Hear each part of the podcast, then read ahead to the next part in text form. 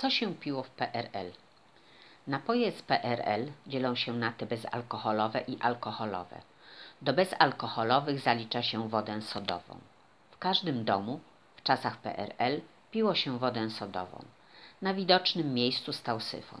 Po wypiciu wody syfon się wymieniało. Pamiętam do dziś sklep pana Schlesingera przy ulicy Kamiennej na Pradze. Uwielbiałam ten biały sklepik pełen wielkich, okrągłych lizaków, pachnącego pieczywa, mleka nalewanego z bańki i syfonów z wodą sodową. Z dzieciństwa pamiętam również oranżadę i nie tylko w butelkach, ale i w proszku. I ta chyba cieszyła się największym powodzeniem u dzieci. Wysypywało się na rękę odrobinę proszku, pozlizywało, a w ustach pieniły się przepyszne słodko-kwaśne bąbelki. Na ulicach stały tak zwane saturatory z wodą gazowaną, gdzie można było nabyć za grosze wodę czystą lub z sokiem. Nie było kubków jednorazowych, po wypiciu sprzedawca opłukiwał szklankę. Czas na Coca-Colę.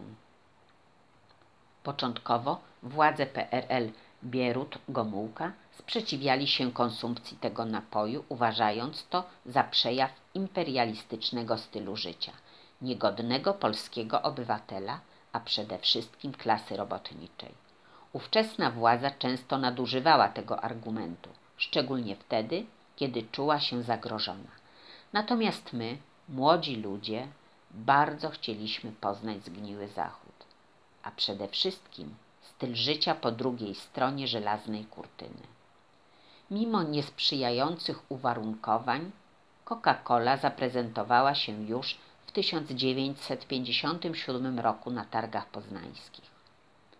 Coca-Colę, magiczny, upragniony przez społeczeństwo socjalistyczne napój, przejaw wyższego poziomu życia, można było nabyć tylko w Peweksie za dolary lub bony dolarowe. Innym napojem, który ma również ciekawą historię pojawienia się w Polsce, jest kawa. Dekada dobrobytu. Jako, że nic nie jest dane na stałe, przyszła pora na dekadę dobrobytu, lata 70. Ta dekada to czasy Edwarda Gierka. Główne hasło towarzysza Gierka brzmiało: Pomożecie? Lud odpowiadał: Pomożemy. I tak zaczęła się modernizacja Polski, czyli odejście od tej siermiężnej towarzysza Gomułki.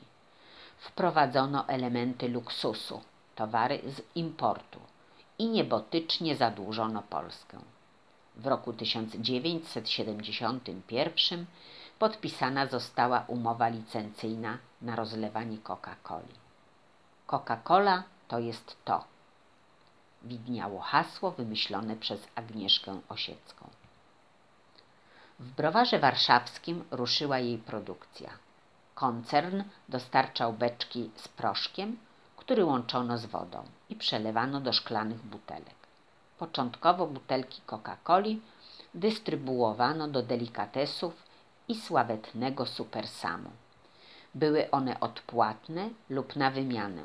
W latach 70 uruchomiono następne rozlewnie między innymi w browarach tyskich.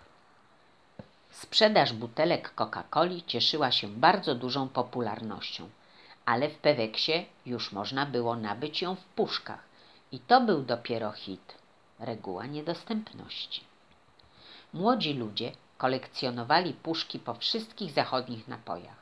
Wchodzisz do pokoju przyjaciół, a tam na meblościance na wysoki połysk stosy różnorodnych puszek po napojach nabytych w Peweksie albo przywiezionych z zagranicy. Serce się ściskało z zazdrości. Puszka z zachodnim napojem była bardzo pożądanym prezentem. Należy tu dodać, że w szarej polskiej rzeczywistości zachodnie opakowania mieniły się ferią barw. Niewiarygodne, a jednak prawdziwe. W Polsce dopiero w latach dziewięćdziesiątych wprowadzono produkcję puszek do napojów.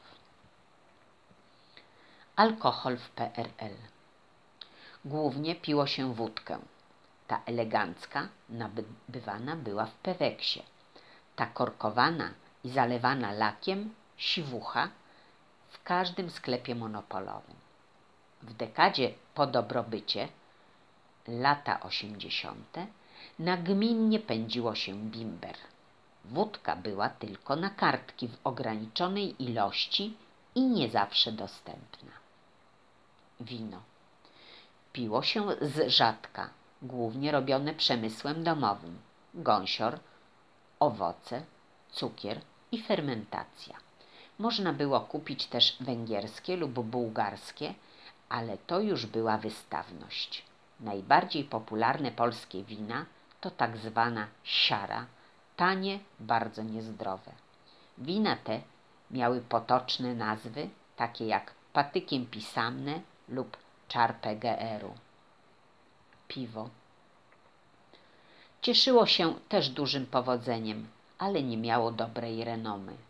Na ulicach były ustawiane pijalnie piwa, czyli tak zwane budki, z których przez okienko sprzedawano kufle piwa.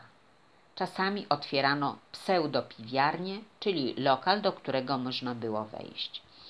Taka najsłynniejsza warszawska znajdowała się przy ulicy Świętokrzyskiej i zwano ją Zlew. Co ciekawe, w takich pijalniach bufetowymi były zawsze kobiety. Określenie a to taki facio spod budki z piwem oddaje stosunek społeczeństwa do pijących piwo. Czy w czasach PRL były luksusowe napoje? Były szczególnie w tych domach, gdzie ktoś miał rodzinę za granicą lub pracował na placówce dyplomatycznej. Była też grupa czerwonych pająków, czyli wysoko postawionych działaczy partyjnych, która miała dostęp do towarów niedostępnych dla przeciętnego konsumenta, czyli do tak zwanych sklepów za żółtymi firankami. Przeciętny obywatel musiał się zadowolić tym, co leżało na państwowych półkach sklepowych. Partia, PZPR, decydowała, jaki towar jest dla klienta dobry i jaki nie. Takie to były czasy. Dla przypomnienia, Pewex, sklep, w którym można było nabyć towary za dolary lub bony dolarowe. Pewex w czasach PRL to synonim luksusu i zazdrości tych, którzy nie mieli dolarów. Przeczytaj również Herbata z czasów PRL.